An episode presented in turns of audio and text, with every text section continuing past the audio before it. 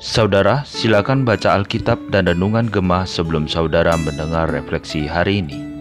Shalom saudara, bersyukur untuk rahmat Tuhan yang tak habis-habisnya bagi kita, yakni melalui firman-Nya. Mari kita sambut dengan memohon seperti pemazmur. Dengan segenap hatiku aku mencari engkau, janganlah biarkan aku menyimpang dari perintah-perintahmu. Amin.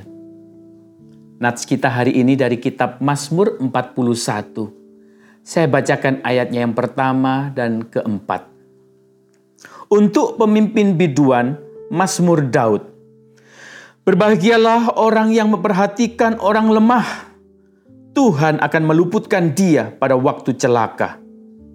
Kalau aku, kataku, Tuhan, kasihanilah aku, sembuhkanlah aku, sebab terhadap engkaulah aku berdosa. Saudara kitab Mazmur yang berisi 150 pasal itu terbagi dalam lima buku yang lebih kecil. Mazmur 41 ini mengakhiri buku kecil yang pertama, saudara. Mazmur 41 ini diawali dengan kata yang sama dengan Mazmur 1, yaitu berbahagialah atau diberkatilah.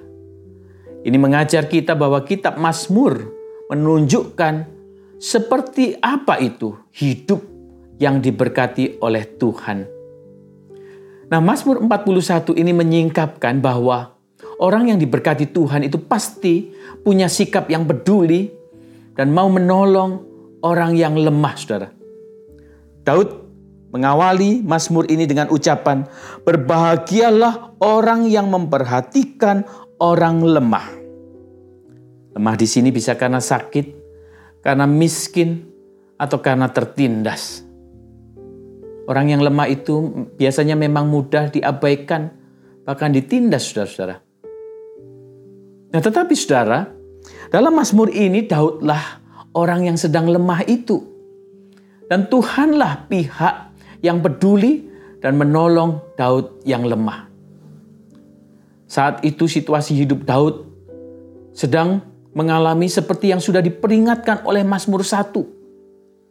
Daud menjauh dari Tuhan, tidak hidup di dalam firman Tuhan, sehingga hidupnya tidak diberkati. Seperti pohon yang layu daunnya dan tidak berbuah. Saat itu Daud sedang sakit keras, saudara.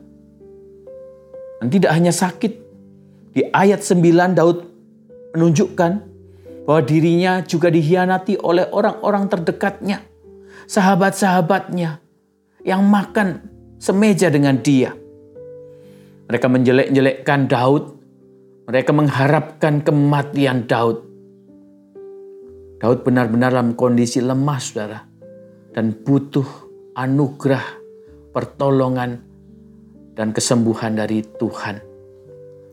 Nah, syukurnya Daud ini percaya, saudara, bahwa dia akan mendapat pertolongan dan kesembuhan dari Tuhan yang kepadanya dia telah berdosa.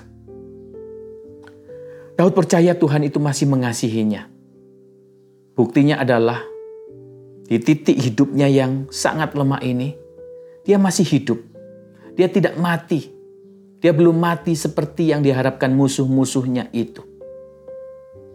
Daud sadar dia telah berbuat dosa. Tetapi dia juga percaya hidupnya masih bisa pulih kembali seperti pohon yang ditanam di tepian air itu. Yang segar daunnya dan berbuah saudara. Daud yakin itu. Sehingga ia mengakhiri Mazmur 41 ini dengan memuji Allah. Terpujilah Tuhan dari selamanya sampai selamanya.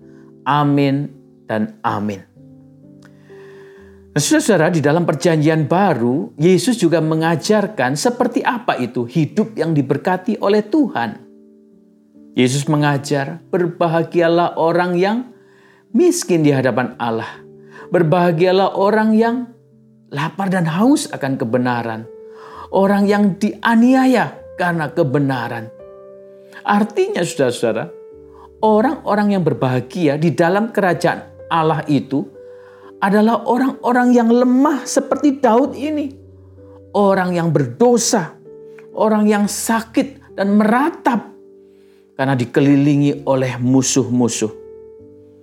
Poin ajaran Yesus dalam khotbah di bukit ini sama dengan keyakinan Daud di dalam Mazmur 41, Saudara.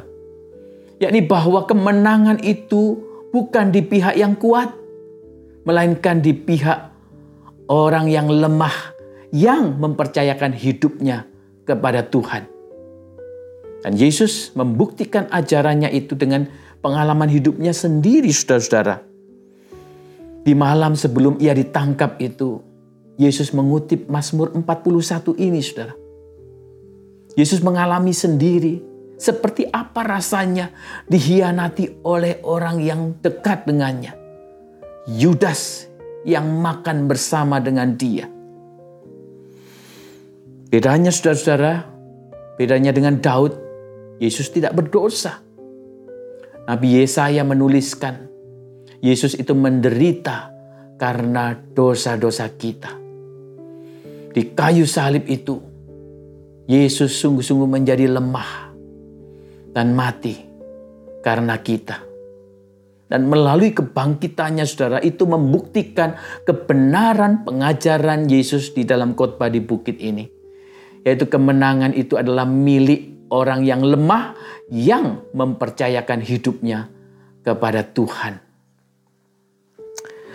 Saudara, kebenaran ini juga untuk kita hari ini ketika kita ini sedang lemah, entah karena sakit atau karena jatuh dalam dosa, dan kita dihina, dijahati, bahkan dikhianati oleh orang, saudara. Memang saat itu kita seperti pohon yang layu dan tidak berbuah, tidak diberkati, tidak berbahagia.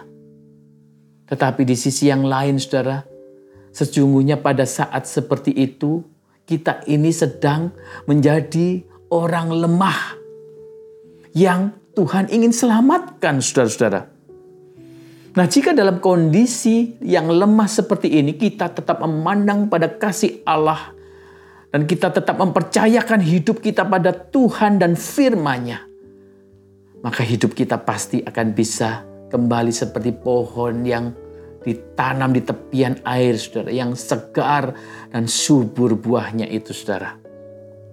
Karena Yesus menanam kita di hadapan hadiratnya, saudara.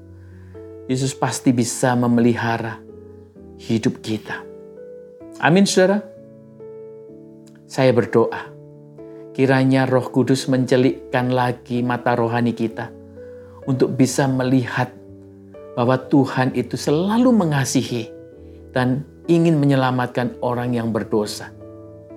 Saya berdoa, kiranya Roh Kudus itu memampukan kita untuk selalu bisa memandang Tuhan Yesus, pribadi yang penuh kuasa, namun rela menjadi lemah, bahkan mati demi saudara dan saya. Dan kiranya saudara dan saya ini juga dimampukan untuk menjadi berkat, yakni peduli dan menolong orang yang sedang lemah. Tuhan terima kasih untuk sabda firman-Mu hari ini. Biarlah itu menjadi terang bagi jalan kami, pelita bagi kami, menyambut berkat-berkat-Mu sepanjang hari ini, terlebih juga menjadi alat berkat-Mu. Dan siapa saja yang Kau izinkan berjumpa berinteraksi dengan kami, khususnya mereka yang lemah. Terima kasih Bapa dalam nama Tuhan Yesus bersyukur untuk firman Tuhan. Amin. Selamat, semangat menjalani hari ini bersama Tuhan, saudara.